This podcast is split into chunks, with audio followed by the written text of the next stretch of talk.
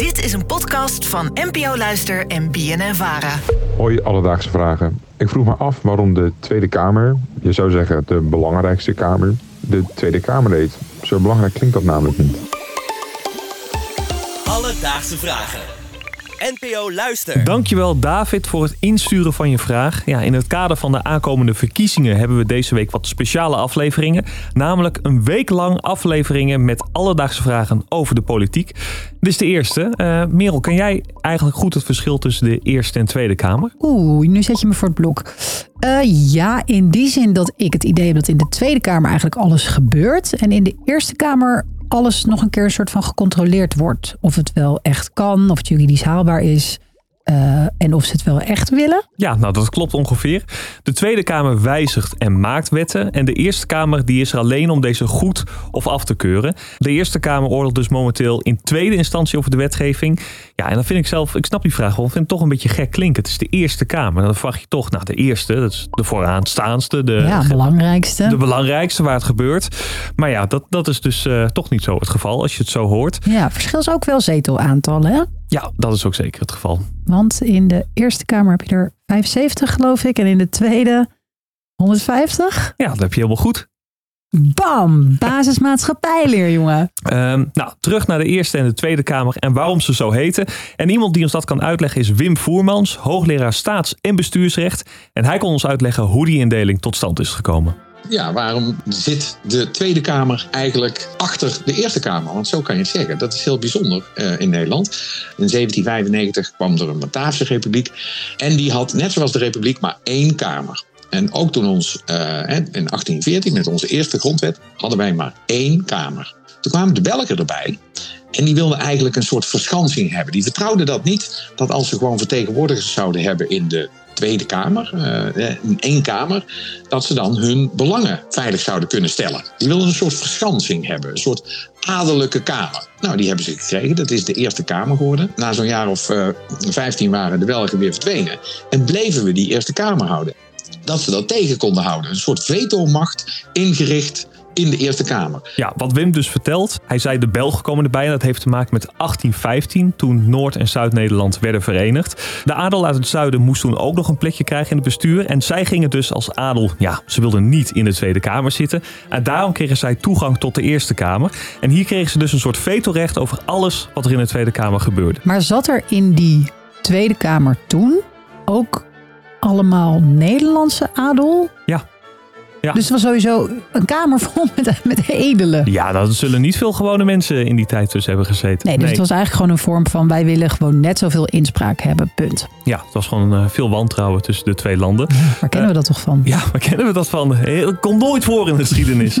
Eh, nou ja, uiteindelijk gingen België en Nederland eh, werden weer twee aparte landen. Maar die Eerste Kamer, die is nooit afgeschaft. Waarom niet? Na 1830 kwamen we daar niet meer van af. Want die vetomacht gebruikte diezelfde Eerste Kamer. Hè, er zaten geen Belgen meer in.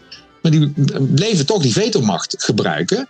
En ja, je kunt de Eerste Kamer niet afschaffen. Behouden dan dat ze met z'n allen in eh, twee eh, rondes eigenlijk eh, levensmoe worden. Als je de positie van de Eerste Kamer wil veranderen, dan moet je de grondwet herzien. Dat gaat in twee stappen. Dus een eerste stap, dan moet er een wet aangenomen die zegt we moeten eens gaan kijken of we de grondwet niet gaan herzien. Die moet in twee kamers worden aangenomen met gewone meerderheid. Dan moet dus de Eerste Kamer zelf zeggen, ja, wij vinden ook dat dat afgeschaft moet worden. Of misschien ons hele instituut wel. Dan zijn er verkiezingen. Dan komen de nieuw gekozen kamers weer bij elkaar. En dan moet dus de Tweede Kamer eh, ja zeggen tegen zo'n voorstel. En ook de Eerste Kamer eh, zijn eigen positie verminken met twee derde meerderheid. Nou, dat is zeer onwaarschijnlijk dat dat gebeurt. Maar het is niet per se verminken, toch? Als je zegt van nee, we willen de vorm wel behouden met één kamer en nog een kamer, maar we willen gewoon die namen gaan omdraaien. Dus dat de Eerste Kamer de Tweede wordt en andersom. Dat moet haalbaar zijn. Maar als ik hem dan hoor van alle hessel die dat oplevert, dan denk ik, laat inderdaad ook maar. Alledaagse vragen. Nou, Merel, we hoorden net dus hoe het stelsel is ontstaan eh, door de plaatsmaking van de zuidelijke adel. Maar ja, wat ik me ook nog afvraag, welke kamer heeft nou eigenlijk de meeste macht? Want de Tweede Kamer, die kunnen wetten maken of wijzigen. Maar je zou zeggen, de Eerste Kamer heeft het laatste woord.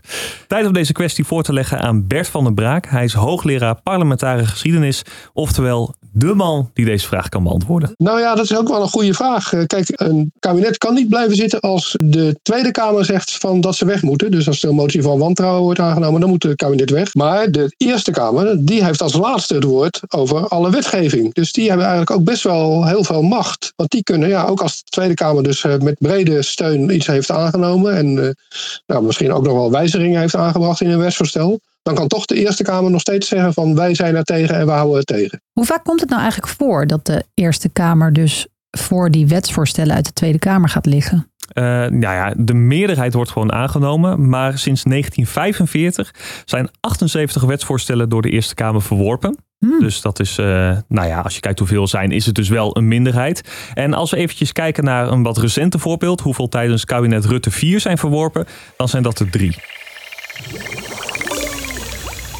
Dus David, in deze aflevering zochten we voor je uit waarom de Tweede Kamer niet gewoon de Eerste Kamer heet. Nou, daarvoor moeten we kijken naar de geschiedenis, want eerst hadden we in Nederland ook altijd maar één Kamer. In de Bataafse tijd gingen wetten van Kamer 1 naar Kamer 2. En toen er in 1815 plaatsgemaakt moest worden voor de adel vanuit het zuiden, kregen zij toegang tot de Eerste Kamer. Ze kregen dus een soort vetorecht op alle wetten die in de Tweede Kamer werden voorgesteld. En sindsdien is de Eerste Kamer eigenlijk altijd gebleven en is die rol nooit veranderd. Heb jij ook een vraag? Stuur ons dan een berichtje op Instagram. Dat kan naar Alledaagse Vragen. Maar je mag ook een mailtje sturen naar alledaagsvragen.bnnvara.nl en dan zoek het voor je uit. Alledaagse Vragen.